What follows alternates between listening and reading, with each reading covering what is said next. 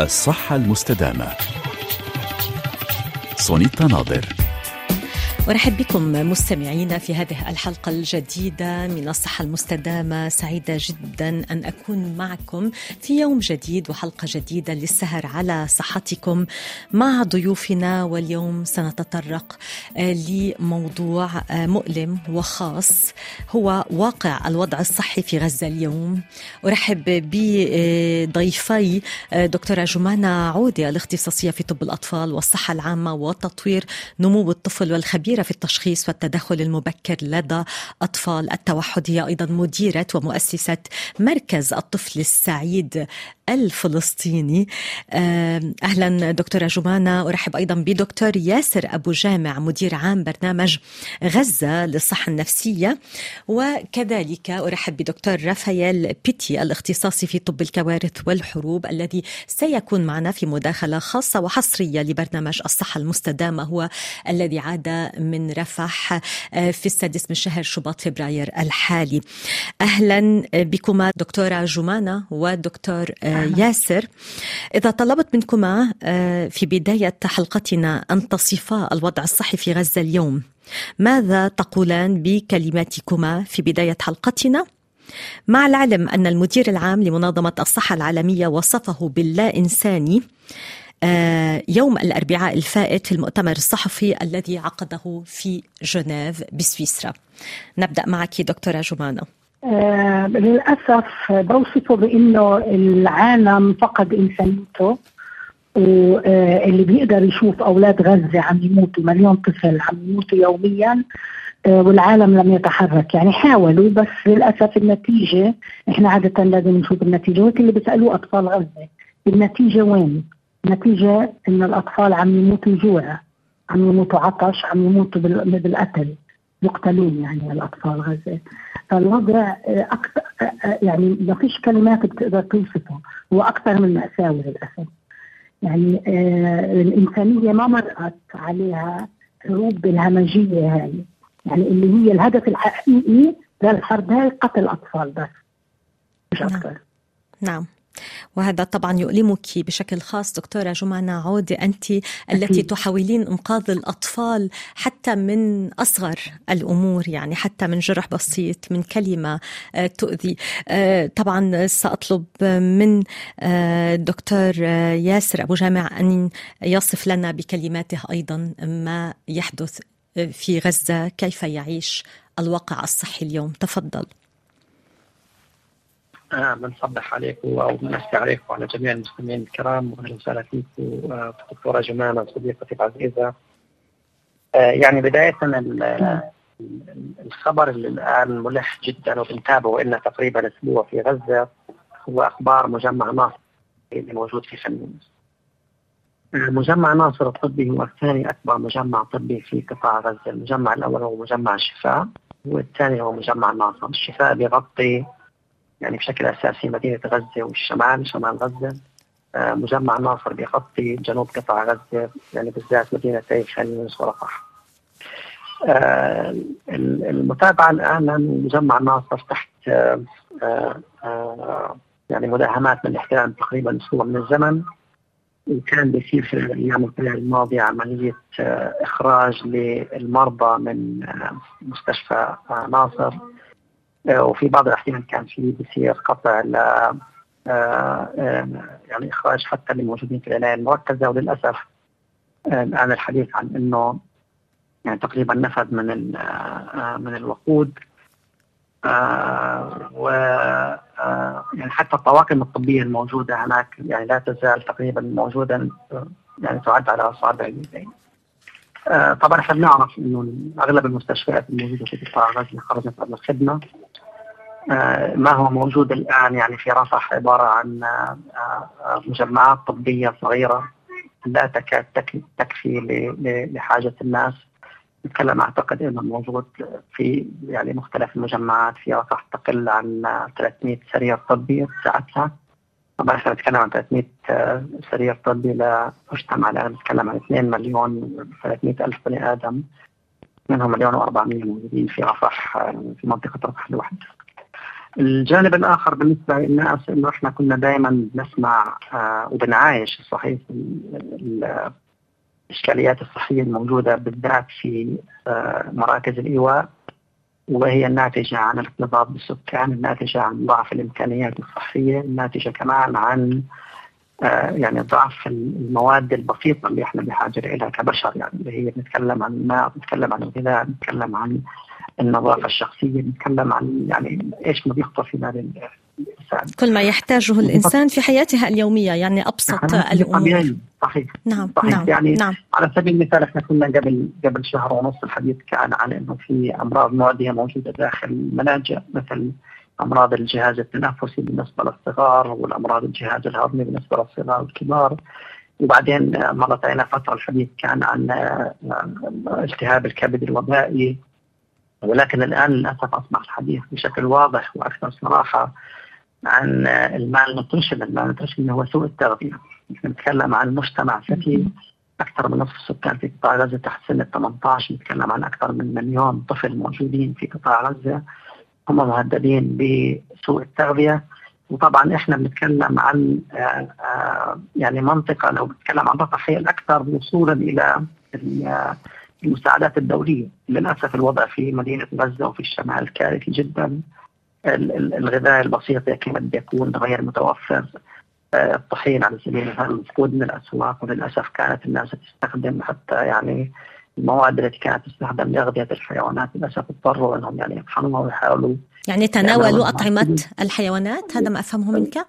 صحيح صحيح وفي تقارير دولية حتى نعم. من من برنامج الغذاء العالمي بيتكلم أنه عمليا للأسف بالذات المنطقة الشمالية ومنطقة غزة آه الآن يعني هي داخل مجاعه نعم. للأسف ناتج عن عدم وصول ال ال المساعدات المساعدات أو الدولية الغذائية. إلى إلى نعم. غزة والشمال نعم هذا بشكل. عام ناهيك عن الحديث عن الآثار آه، غير الجسدية اللي ممكن نشوفها على الناس واللي أنا متاكد حنحكي عنها كمان شوي نعم. شكرا دكتور ياسر أبو جامع. أنت مدير عام برنامج غزة للصحة النفسية. تبقى برفقتنا دكتورة جمانة عودة. أيضا تبقي برفقتنا طيلة حلقة اليوم. أنت الاختصاصية في طب الأطفال والصحة العامة وتطوير نمو الطفل. وأنت أيضا مديرة ومؤسسة مركز الطفل السعيد الفلسطيني. أدعوكما الآن وأدعو كل مستمعينا للاستماع إلى هذه المقابلة التي أجريتها مع دكتور غافيل بيتي. هو طبيب فرنسي اختصاصي في طب الكوارث والحروب ودائما يذهب مع منظمته الإنسانية مهاد لمساعدة الشعوب التي تعيش ظروف صعبة وخاصة. هو كان في رفح كما ذكرت وعاد إلى فرنسا في السادس من شهر فبراير شباط الحالي. وفي بداية المقابلة سألته عن وضع المستشفيات في غزة حسب رأيه وحسب مرأة فقال هناك انهيار تام للنظام الصحي في غزة. لا يزال هناك عدد قليل من المستشفيات التي تعمل ومنها المستشفى الأوروبي الذي يقع ما بين خان يونس ورفح. بالإضافة إلى ثلاثة مستشفيات أخرى في رفح ومن بينها مستشفى للأم والطفل. الوضع مروع وفظيع في المستشفى الأوروبي فهو مكتظ بالسكان النازحين الذين جاءوا للاحتماء حول المستشفى حيث يعيش حوالي 25 ألف شخص مقابل المستشفى في أوضاع غير مستقرة وصعبة يعيشون في ملاجئ بنوها من القماش المشمع بشكل أساسي ومن أقمشة أخرى. إنهم يعيشون على مقربة شديدة من بعضهم البعض في ظروف صحية سيئة للغاية. وأشير إلى أن هناك عدد قليل جدا من المرافق الصحية بالنسبة لعدد الأشخاص الكبير. أما داخل المستشفى فهناك حوالي أربعة آلاف شخص يعيشون في الممرات. وفي المساء يلجأ الكثير من الأشخاص الذين يعيشون في الخارج إلى داخل المستشفى بحثا عن الدفء والأمان. لذلك انطلاقا من الساعة الحادية عشرة مساء يصبح من الصعب جدا المشي أو التنقل داخل المستشفى. هناك حالة من الفوضى تسود خاصة في قسم الطوارئ حيث يهرع السكان لتسجيل أسمائهم بهدف الحصول على الاستشارات الطبية والرعاية الصحية. تصل سيارات الإسعاف عدة مرات في اليوم بما في ذلك في الليل لنقل جرحى القصف. كما أنها تنقل الموتى لتسجيلهم حتى يتمكنوا بعد ذلك من دفنهم. إنه وضع فوضوي حقا لدرجة أن معظم الضحايا الأكثر خطورة يتم علاجهم على الأرض. يضاف إلى ذلك مشاكل تتعلق بالنظافة داخل المستشفى بسبب لجوء الناس إليه من الخارج وخاصة الأطفال الذين يدخلون معهم التراب والوحل والأوساخ. كل شيء يتلوث داخل المستشفى. يتلوث بجراثيم المستشفى متعددة المقاومة إذ نجد أنفسنا في مواجهة نوع من القنبلة البكتيريولوجية. بمعنى أن هناك جراثيم شديدة المقاومة. من المتوقع أن تؤدي إلى حدوث مشاكل صحية لدى عامة السكان. وعن الحلول التي يقترحها ويعمل على إنجازها لإنقاذ السكان من هذه الكارثة الصحية والإنسانية قال دكتور بيتي. يوجد في الفريق الذي خلفنا عالم اختصاصي في الجراثيم والبكتيريا. أعلمته بهذا الوضع الصحي الخطير كما طلبت من رئيس مختبر البكتيريا تحديد كل أنواع الجراثيم الموجودة لكي نختار المضادات الحيوية المناسبة لعلاجها وبالتالي لكي نتمكن من وضع بروتوكولات لمساعدة الأطباء على التعامل مع هذا الوضع الخاص للغاية. ذهبت إلى رفح عدة مرات والتقيت بالسلطات ورئيس بلدية رفح وبوزير الصحة كما التقيت بعدد من المنظمات. وبرأيي المشكلة الحقيقية تكمن في القدرة على تقديم الدعم الصحي لهؤلاء السكان فيما يتعلق باحتياجاتهم الأساسية. وبالتالي فإن الحل يتمثل في إنشاء عشرة مراكز رعاية أولية في مدينة رفح من أجل تخفيف الضغط على المستشفيات لأن الناس في الوقت الحالي ليس لديهم خيار آخر سوى الذهاب إلى المستشفى لتلقي العلاج لذا في هذه الحالة هناك حاجة ملحة إلى إنشاء مراكز رعاية أولية لهؤلاء السكان. شكرا لدكتور رافائيل بيتي آه، على هذه المداخلة والمقابلة الخاصة والحصرية لبرنامج الصحة المستدامة ولمونتي كارلو الدولية. أعود إليكما دكتورة جمانة عودة والدكتور ياسر أبو جامع. آه، مرة أسبوعين آه، على هذا البيان على هذه الملاحظات. يا ترى هل تطور الوضع أكثر نحو الأسوأ؟ أبدأ معك دكتورة جمانة. من التقارير اللي أنا بتوصلني ومن أو اللي بطلع عليها الوضع نعم عم ينفجر أكثر يعني آه، ذكر بالنسبة للجراثيم والأمراض والالتهابات المعنويه مثل ما تفضل الدكتور ياسر كمان. هلا 90% من أطفال غزة اللي تحت الخمس سنين أصيبوا بأمراض معدية. 70% منهم أمراض التهابات معويه نعم. وانتشار كمان فيروس الكبد التهاب الكبد الوبائي. نعم. آه، آه، ألف طفل آه، بترت أساقهم أو أطراف لحد هلأ بغزة. فالوضع نحو التدهور ألف طفل بترت أعضاء؟ ألف ألف؟ طفل نعم. نعم نعم نعم. ألف طفل ألف طفل نعم نعم, نعم. هلأ لحد هلأ. أيوة ألف نعم. طفل يعني الأرقام عم تتزايد وعم يعني الأطفال عم يموتوا يوميا.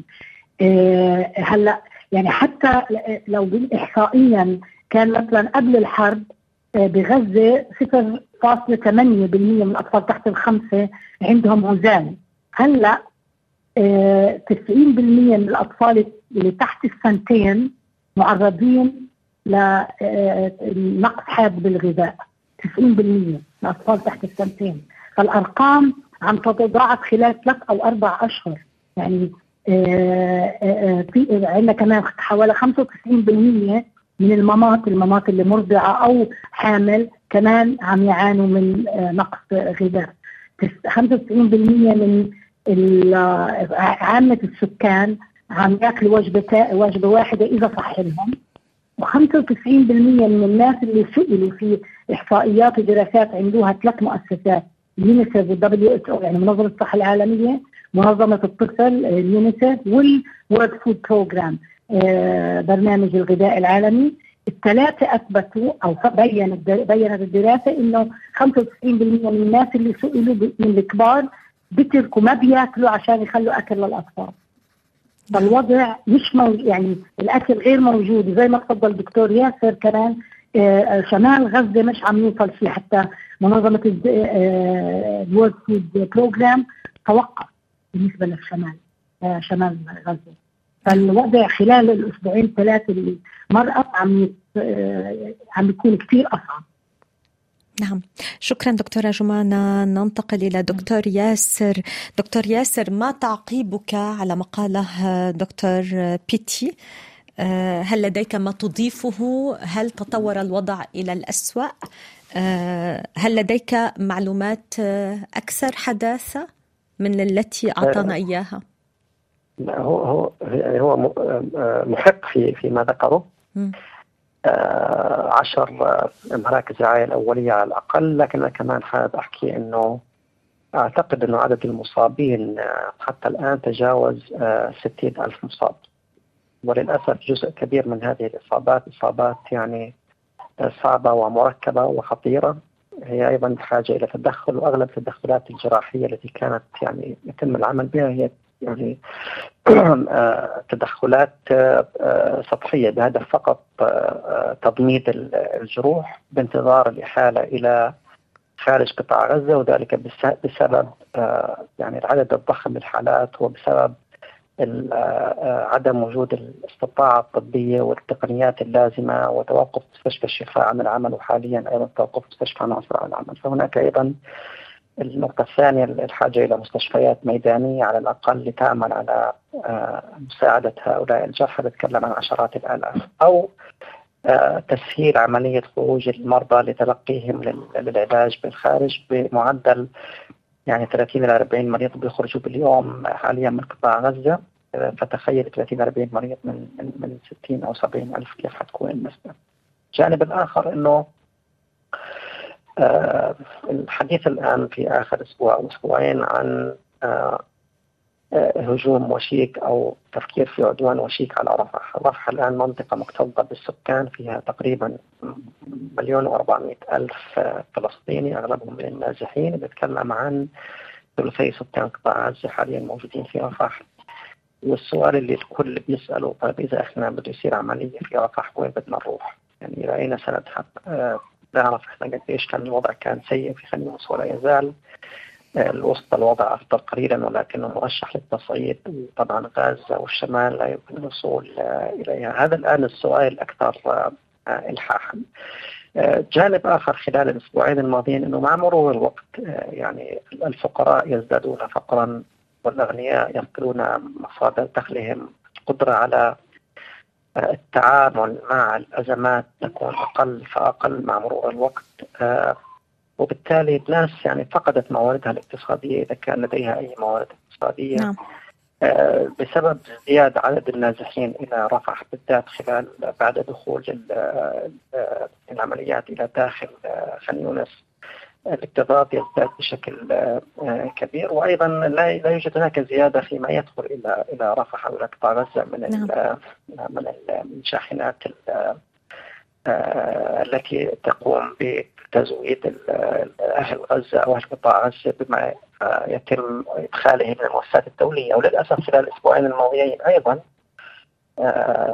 توقفت العديد من الشحنات الداخلة إلى غزة الدخول بسبب المظاهرات الموجودة عند الطرف الاحتلال مما أعاق دخول العديد من الشاحنات تحمل نعم. الأغذية إلى سكان قطاع غزة دكتور ياسر. في عدد المحتاجين ونقص في المواد التموينية نعم دكتور ياسر أبو جامع بما أنك مدير عام برنامج غزة للصحة النفسية سنتحدث عن الجانب النفسي. تحدثنا الآن عن الصحة الجسدية تحدثنا عن نقص الغذاء عن نقص الماء آه، عن نقص كل ما يحتاجه آه، الإنسان لكي يتابع آه، حياته ولكن يا ترى ماذا عن الصحة النفسية؟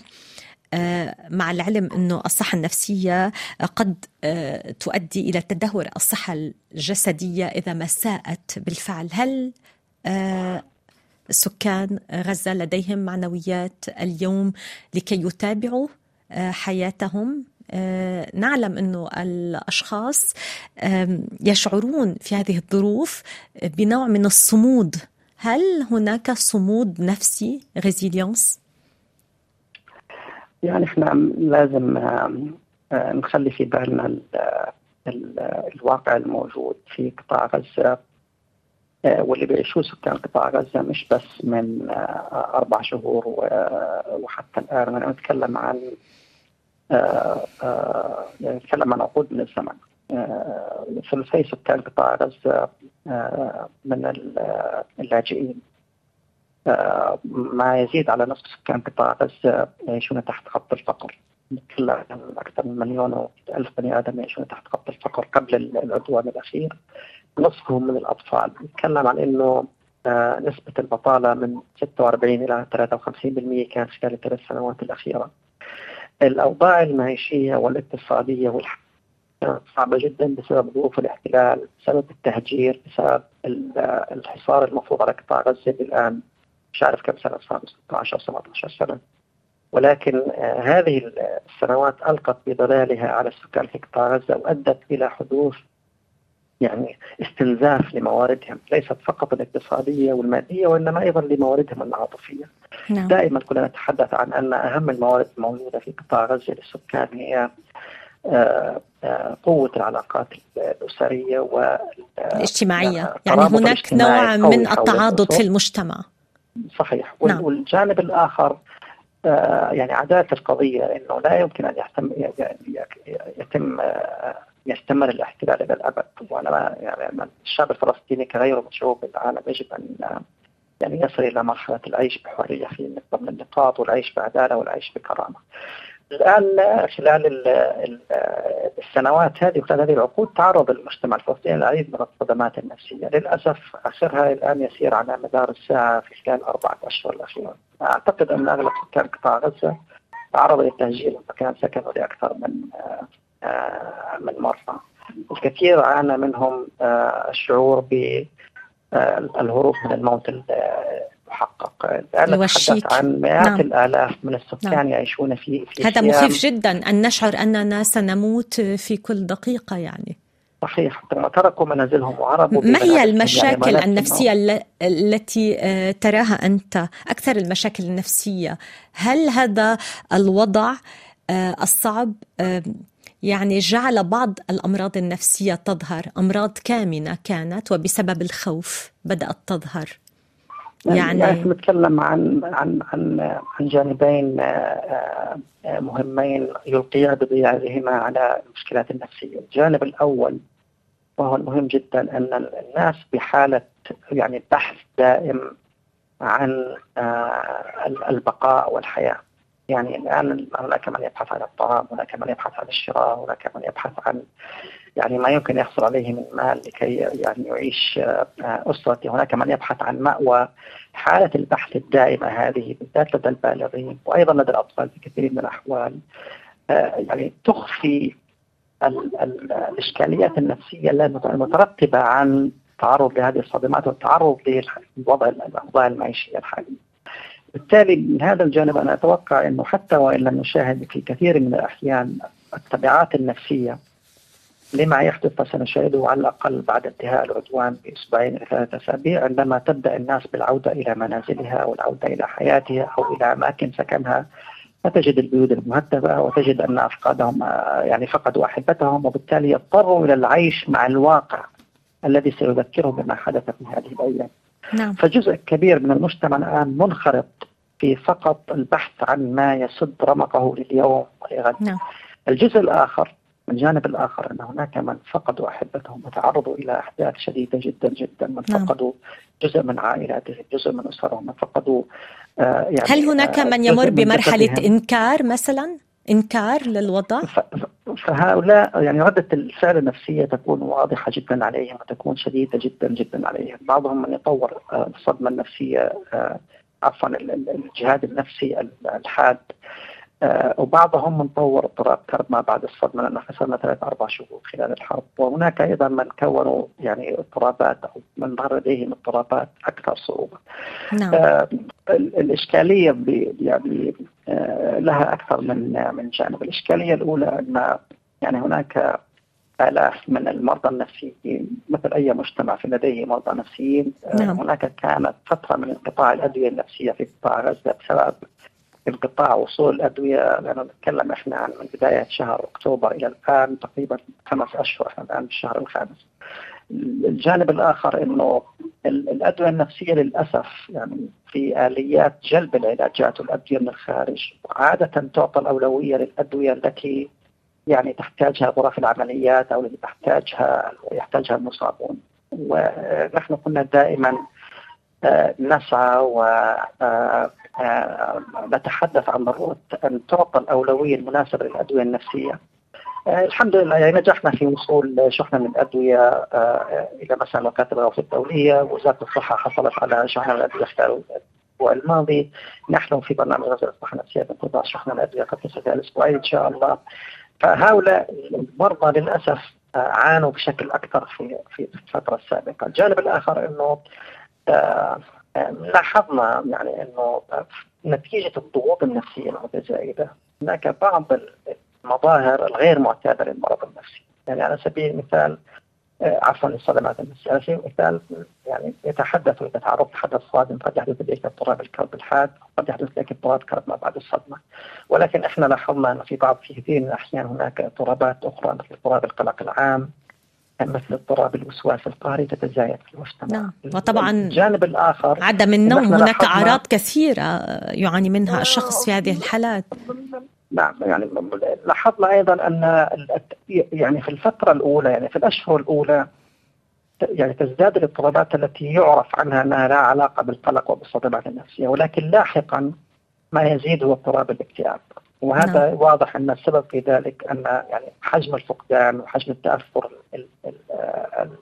المزمن لما يحدث يلقي نعم. بظلاله على الشخص فيؤدي إلى آه، الاكتئاب. الآن الأعراض التي نشاهدها الآن التي لم تتطور لتصل إلى أمراض أو نشاهدها مثلا تختلف بحسب الحالات نتحدث عن أطفال ونتحدث عن كبار، بالنسبة للأطفال كنت أود أن أطرح السؤال على دكتورة جمانه عودي بالنسبة طبعا للأطفال. هي خبيره وأستاذتنا يعني.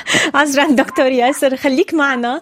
آه، دكتورة جمانه عودي آه، طبعا آه، الدكتور ياسر أبو جامع شرح لنا الوضع بالنسبة للكبار. سؤالي بالنسبة لك ذكرتي المشاكل الصحية التي يعاني منها الأطفال في ظل هذا الوضع الصحي الصعب الصحي آه، في غزة. ما هي أكثر المشاكل الجسدية الناجمة عن نقص التغذية عند الأطفال؟ وما هو أكثر ما تسمعينه من الأطفال في عيادتك؟ هل يشكون لك؟ هل يتحدثون عن آه، ما يعيشونه هل يقولون لك أنا خائف من القصف خائف أن أموت أو خائفة؟ لأنه رأينا على وسائل التواصل الاجتماعي أطفال يتحدثون أمام الكاميرات. تفضلي. نعم. نعم. بالنسبة لنقص التغذية طبعا لما بيهزل الجسم بصير آه، أسهل إنه ينصاب بأي آه، التهاب. وطبعا وضعه النفسي بيكون أصعب لهذا الطفل. أنا بصراحة إذا بسمح لي الأستاذ الدكتور ياسر كمان أستذكر زميلنا وحبيبنا الدكتور الله يرحم الدكتور إياد سراج. دكتور إياد سراج كان يقول عن غزة لما بده يوصف غزة هو سايكاتريست هو طبيب نفسي فلسطيني عاش من غزة. درس برا البلد ولما رجع على غزة آه، اشتغل هو بلش برنامج غزة للصحة النفسية. وفي في حينه وصف ما يحدث في غزة والتفاعل والتعامل مع الاحتلال ومشاكل يعني اليوميه للقمع الإسرائيلي إنه أهل غزة عندهم pathological optimism سماه. سماه التفاؤل المرضي. ليه؟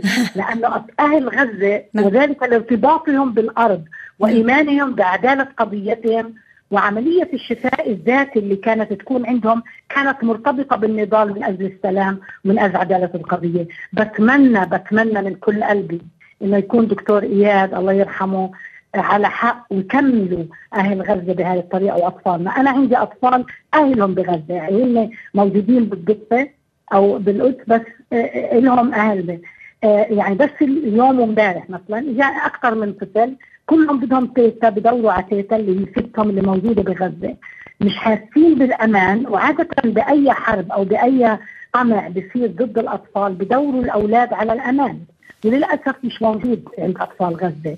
اللي بنسميه إحنا psychological first aid اللي هو الأمان. لما في غزة مش موجود بعدها الدفء والأكل والشغلات الثانية بس اللي عم فعلا مميز ومش ما انوجد برأيي أنا بالعالم ومش عم ببالغ انه هدول الأطفال كبروا عم يحكوا بطريقة يعني بيحكوا عن الوجع بيحكوا أنا جوعان بس بنفس الوقت بيقولوا إنه أنا يعني أنا شفت فيديو آه، أطفال بعطوهم أكل بخل بيقول بدي أخلي لأخوي بتقاسموا اللقمة.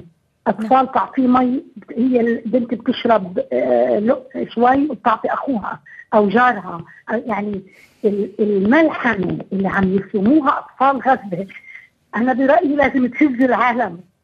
هدول الأولاد لازم يعيشوا بكرامة من حقهم يعيشوا بكرامة وراح يعيشوا أنا برأيي بكرامة.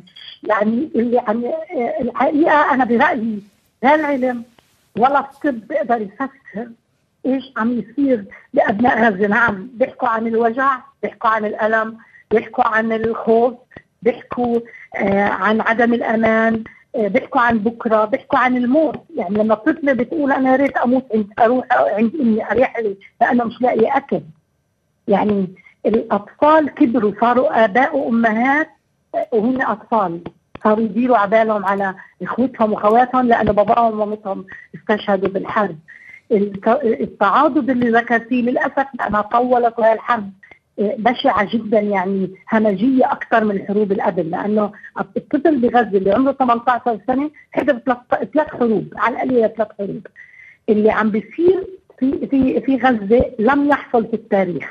وهي هاي الميزات التفاعل هدول الأطفال اللي اللي عم بيفرجوه على الشاشات. وشكرا للسوشيال ميديا لانها هي اللي عم بتفرجي كل شيء بيصير آه عند أطفال غزة، هن كبروا صح؟ بيحكوا عن ألمهم ووجعهم بس برؤية أحسن من الكبار، أنا هيك برأيي، وزي ما قلت بالأول إنه العلم والطب يعجز أنا برأيي عن تفسير وتبرير كل ما يحدث بغزة وباطفال غزة. نعم. آه ذكرتي دكتورة يعني جمانة عودة أنا بتمنى يكون هذا بتمنى يكون هذا حلم أو كابوس وبكرة بفيق بلاقي إجري راجعين لما إجري آه فقد فقد ساقط فقد ساقينه. أو بنت بتقول لدكتور راجع لي إيدي وأنا بعطيك هدية. آه. شيء محزن ومبكي وسمعناك عم تبكي دكتورة جمانة عودة وأنا بعرف آه، من غير السهل أن نتحدث عن الوضع اليوم. آه، آه، ذكرتي المشاكل النفسية ذكرتي بعض الأوبئة التي بدأت تنتشر بين الأطفال. يا ترى مثلا عندما ينقص الغذاء نعلم إنه بصير في حالات فقر دم آه، بصير في أيضا مشاكل جسدية أخرى اليوم المشاكل التي ستنجم عن نقص الغذاء عن آه، آه، نقص الماء ما هي هل الجفاف هل نقص نعم. الحديد أو فقر الدم يهدد الأطفال نعم. في غزة نعم هلأ لاحظ ملاحظة بس إنه عادة الإنسان يعني أهل غزة هلأ مش عم يحصلوا على أقل من لتر ماء 95% منهم أقل من لتر ماء للشخص الواحد باليوم الواحد.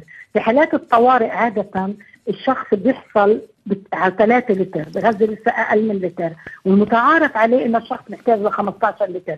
بس فيك تتصوري ماذا يعني ذلك على صحة الأطفال وعلى نظافتهم وعلى ال personal hygiene على النظافة الشخصية؟ زائد إذا صار عند الطفل آه، الالتهابات المعوية اللي بتؤدي 70% من اطفال غزة هلأ عندهم آه، diarrhea اللي تحت آه، عندهم اسهال إسهال. اللي تحت نعم. الخمس سنين. هدول طبعا. نعم 70% هاي الإحصائيات الأخيرة من WHO يونيسيف وال World Food Programme. هاي دراسه هذا يعني إنه الزكاه ممكن يؤدي إلى وفاة. فهم مهددين بالوفاه مش بس إنه يعيشوا يعيشوا حياة أو نوع حياة سيء نعم. سيئة يعني صحة نعم. سيئة يعني نعم. ما يقدروا يعيشوا حياة آه، صحتهم تكون سليمة يعني شكرا آه فطبعا في عدة أمراض نقص الدم بعدين حتى هذا بيأثر على الكوجنيتيف على تفكير الطفل وعلى نعم. نموه آه تأخر النمو نموه نعم. الذهني والعقلي والجسدي نعم نعم هذا كله رح يأثر على أطفالنا نعم. إن شاء الله بسرعة يعني يقدروا نخلص من هالوضع المأساوي اللي أطفال غزة يطلعوا منها بسرعة نعم. لأنه هم فاجئونا بالحروب اللي قبل إنه طلعوا آه، بأكثر آه، من حرب إلا إنه كمان آه، اللي رح يحتاجوه مش بس لأمان ومش بس لتدخل نفسي رح نعم. يحتاجوا كثير لأكثر من هيك لأنه رح يضلوا خايفين إنه إذا صار حد ثاني مين رح يحميني؟ يضل هذا السؤال مثل ما تفضل الدكتور ياسر كمان. دكتورة جمان عودي شكرا لك دكتور ياسر. أبو جامع أيضا الآن سنأخذ اتصال من رفح من مستمعة لبرنامج الصحة المستدامة. كانت تتواصل معنا طبعا منذ سنوات عديدة. واليوم أحبت أن تشرح لنا وضعها الصحي عبر برنامج الصحة المستدامة وأثير مونتي كارلو الدولية. ألو سماهر؟ هلا حبيبتي. أهلا. كيفك سماهر؟ اول أول مرة بنسمع صوتك. أنا عادة بقراكي بس. الله يسعدك يا حبيبتي. نعم. اخبرينا خبرينا ما هو الوضع؟ آه، ما الذي ينقصك أنت؟ هل تشعرين الوضع مأساوي جدا يا عزيزتي. لا نعم. لا أكل ولا علاج ولا أي شيء موجود. نعم. والأسعار ما فيش دخل والأسعار غالية جدا جدا جدا وغير متاحة لا فواكه ولا خضروات ولا ماء نظيف ولا علاج. هي أنا إلى علاجي الحين شهرين مقطوع عندي. أي علاج يعني أنت آه، تأخذين؟ عندي مرض كرونز في القولون وجرثومة في المعدة وعلاج عندي خمول وكسل في الغدة. طبعا الغدة موجود بعد تعب نزل في العيادات الحكومية وتوجدت عليه لما العلاج. مرض كرونز وجرثومه المعدة وعلاجات أخرى فيتامينات ما فيش لها امتلاك. في نعم. ناس كثير بتعاني مش أنا بس يعني. نعم. هل وضعك الصحي تراجع بسبب نقص الأدوية؟ هل تشعرين آه نعم. كثير كثير مغص على طول وغثيان وصداع مستمر للأمانة يعني. نعم شو بتطلبي اليوم؟ أنا أنا ما نعم. الذي تتمن... تتمنينه أنت اليوم؟ نتمنى من العرب ومن رؤساء العرب ومن الحكومة يخلصونا من الحرب هذا أولا علشان إحنا نقدر نمارس الحياة الطبيعية نعم. بسيطة جدا يعني أمنونا يكون في أمان أمان لأطفالنا نعم. أطفالنا يعني اللي عمره خمس سنين بتحسين عمره عشرين سنة يا عزيزتي نعم. نعم تتألم ما ما فيش ماء يستحمى ما فيش ما فيش نظافة فيش ملابس فيش أحذية عندنا. أحذية ما فيش عندنا. تحدثنا عن التفاؤل آه، المزمن عند الشعب الفلسطيني عند أهالي غزة. يا ترى هل آه، ما زلت متفائلة لكي نتحدث عن صحتك النفسية؟ الحمد لله. إحنا بنقول إلنا الله نطلب من الله عز وجل لأن العالم خذلونا. فاحنا رجاءنا في رب العالمين. اذا تتمسكين بالتفاؤل سماهر. الحمد لله. نعم. الحمد لله. إذا نأمل آه, آه، سأترك آه التعقيب على آه شهادتك لدكتورة جمانة والدكتور ياسر. هل فينا نساعد سماهر؟ وكيف؟ بالنسبة لمرض الكرونز مثلا هل هناك حلول أم أن هناك نقص في الأدوية أيضا؟ و آه، للأسف لن تتمكن السماهر من الحصول على العلاج. دكتور ياسر دكتورة جمانة. آه، شكرا آه، ست سماهر على المداخلة. أنا بنصحك تتجهي إلى بعض المستشفيات الميدانية الموجودة قد يتمكنوا من توفير العلاج. طبعا إحنا عادة بنلجأ إلى المراكز الصحية والرعاية الأولية سواء كان مثلا في وزارة الصحة أو في آه، وكالة الغوث وبنطالب منهم يوفروا علاج شهادة أحيانا بيتمكنوا واحيانا ما بيتمكنوا. الآن كمان في عندنا آه، الهيئة الطبية الدولية في لها آه، مستشفى ميداني، المستشفى الإماراتي الميداني موجود، مستشفى الكويتي التخصصي موجود، في مستشفى الاردني كمان الميداني موجود، أي مستشفى ميداني يعني ممكن تطلب منهم توفير علاج شاذ حتى لو ما كانش متوفر ممكن يبحثوا عن توفيره يكون موصول في يعني يكون يمن وصوله بشكل أو اخر للأسف آه، مشكلة الست سماهر موجودة عند العديد من آه، آه، أصحاب الأمراض المزمنة المختلفة. اليوم للأسف حتى في أكثر الأماكن حتى يعني دواء بسيط مثل الباراسيتامول أو أسيتامينوفين اللي هو فقط مهدئ يعني مخفض للحراره نعم. يكاد مسكن يكون غير الألم مش موجود. مسكن الألم صحيح. يكاد يكون غير موجود إلا في بعض الأماكن المحدودة. وهذا لسبب بسيط إنه في عندنا يعني مليون و400 إنسان في هذه البقعة الجغرافية. ولكن السبب الأساسي إنه وصول المساعدات إلى بما فيها المساعدات الطبية محدود جدا جدا. فإن شاء الله هي تتمكن في الحصول على أحد على يعني على الدواء من أحد هذه المراكز في كمان لا اتحاد الكنائس في لهم آه، عيادة صحية موجودة في خربة العدس. الهلال الأحمر الفلسطيني أحيانا بيقدر يوفر آه، وممكن هي يعني لو سألت في الوكالة أو سألت وزارة الصحة يدلوها وين المكان اللي ممكن يوفر لها دواء يعني الله يكون بعون الجميع نعم. شكرا دكتور ياسر. وسأطرح لكما هذا السؤال الأخير. آه، سأبدأ بدكتورة جمانة عودي. ما هو شعورك أنت كطبيبة بالعجز؟ يعني أهم آه، مهمة عند الطبيب هو مساعدة المريض الذي يحتاج إليه. بماذا تشعرين أنت كطبيبة عندما تعجزين عن القيام بمهمتك؟ وسأسأل أيضا دكتور ياسر بعدك آه، تفضلي. نعم. آه، هي الحقيقة مرقت بهاي التجربة بس كانت واحد بالمليون من اللي بيصير بغزة بالانتفاضة الأولى والثانية لا تقارن. بس أكثر شيء لما بيشعر الإنسان بال أو الطبيب بالعجز أو إنه بده ياخذ قرارات كثير مصيرية وكثير خطرة إنه مين يعالج قبل يعني في الإمرجنسي بالطوارئ بيضطر زي ما ذكر الدكتور إنه بتضطري مرات تعملي عملية لا طبعا مش أنا بس هن الاطباء إنه بدك اللي بالعمليات وبالطوارئ انه فرز المرضى من المريض الذي سأعالجه قبل الآخر بالضبط فرزهم نعم. أيوه نعم. بالضبط هي ال triage system إنه مين بدك تاخذي أول؟ هذه من أكثر المشاكل اللي بيواجهوها الأطباء. أنا شخصيا كان عندي coping mechanism أو يعني حاولت أتفاعل أتعامل مع الموضوع بإني أكتب أكتب مشاعري وأكتب مقالات كتبت حوالي خمس مقالات حول هذا الموضوع. أعمل أشتغل أشتغل مع الأطفال هون أحكي مع غزة كل ما بقدر كل ما أو كل ما بيردوا علي. إيش فينا نساعد؟ يعني عملنا زي ال hotline كان بعض الأمهات يسألوا بعض الأسئلة كمان عن مثلا طفل يحتاج لإنسولين أو صار عنده آه، سكري هلأ بهاي الفترة فترة الحرب. إلا إنه هذا ما بتمنى دكتور بالعالم يوصل للمرحلة اللي بتحسي فيها بالعجز ومش قادره تعملي ولا شيء. آه يعني مش ابدا شعور كثير كثير كثير سيء. آه وأكثر شيء بيألمني كمان لما بشوف الأطباء عم يجرحوا وعم يشتغلوا على الأرض راكعين على الأرض بيشتغلوا بظروف ابدا غير إنسانية وبالرغم من هيك بيشتغلوا ومتفائلين. ولما بتحكي معه في الآخر بيجي بس بيشتغل بقد إيه؟ بكل طاقته 24 ساعة. الطواقم الطبية في غزة أنا برأيي كلهم أبطال. وبالعالم عادة إنه الطبيب بيكون مفروض بأمان بالمستشفيات، الدراسات تقول وهي قليلة جدا اللي تش بتوصف حالة الأطباء والطواقم الصحيه بالمستشفيات.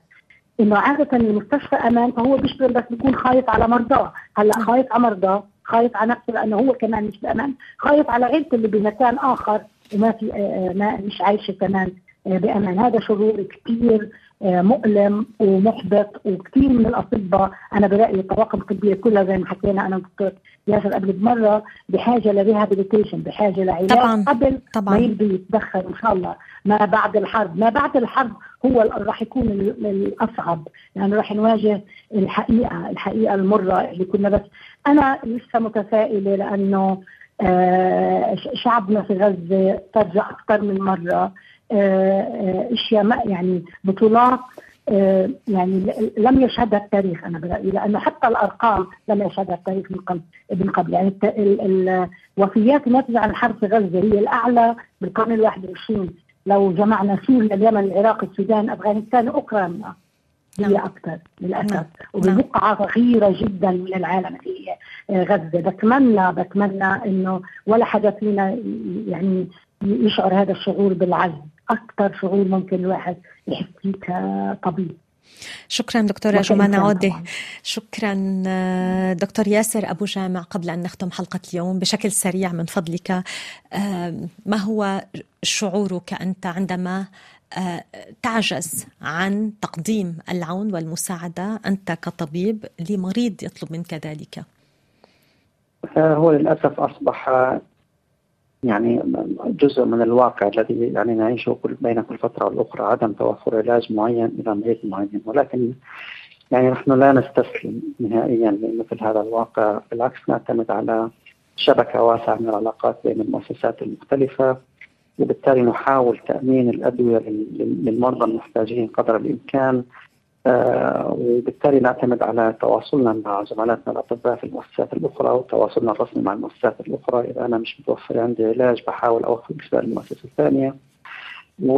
وهكذا يعني. وأحيانا كمان اللي يتم تحويل الحالات إلى برنامج غزة للصحة النفسية لصرف العلاج. أحيانا نحيل بعض الحالات إلى جهات أخرى لصرف العلاج. يعني نحاول قدر الإمكان أن نكون متكاملين في الأدوار بالذات في ظروف مثل الظروف الصعبة التي نعيشها حاليا وجميعنا نحاول قدر الإمكان بالذات لأن الأدوية النفسية قد تفقد يعني نعم. قد لا تعطى الأولوية اللازمة نحاول قدر الإمكان الإشارة إلى ضرورة توفير الأدوية النفسية وأن لا تكون ليست ذات أهمية من صانعي القرار وممن يقومون بجلب الأدوية لقطاع غزة تأكيد على أن الأدوية النفسية أدوية مهمة وفي كثير من الأحيان تكون هي أدوية منقذة للحياة. شكرا شكرا لك دكتور ياسر أبو جامع. أذكر بأنك مدير عام برنامج غزة للصحة النفسية. آه، دكتورة جمانه عود أيضا التي شاركت في حلقتنا. هي اختصاصية في طب الأطفال والصحة العامة وتطوير نمو الطفل خبيره في التشخيص والتدخل المبكر لدى أطفال التوحد. هي مديرة ومؤسسة مركز الطفل السعيد الفلسطيني. شكرا لدكتور رافائيل بيتي الاختصاصي في طب الكوارث والحروب الذي خص برنامج الصحه المستدامة ب مداخلة حصرية. شكرا أيضا لمستمعتنا سماهر مستمعة مونتي كارلو الدولية والصحة المستدامة النازحة من غزة إلى رفح. شكر كبير لكل مستمعينا. لك ريتا محمود التي أنت آه، أشرفتي على إخراج حلقة اليوم. وعلى تسجيل مقابلة دكتور بيتي. شكرا ليلى آه، ميسوم على تنسيق مع كل ضيوف حلقتنا. أعود إليكم يوم الاثنين المقبل مع حلقة جديدة من الصحة المستدامة. دمتم بألف خير. إلى اللقاء. باي باي.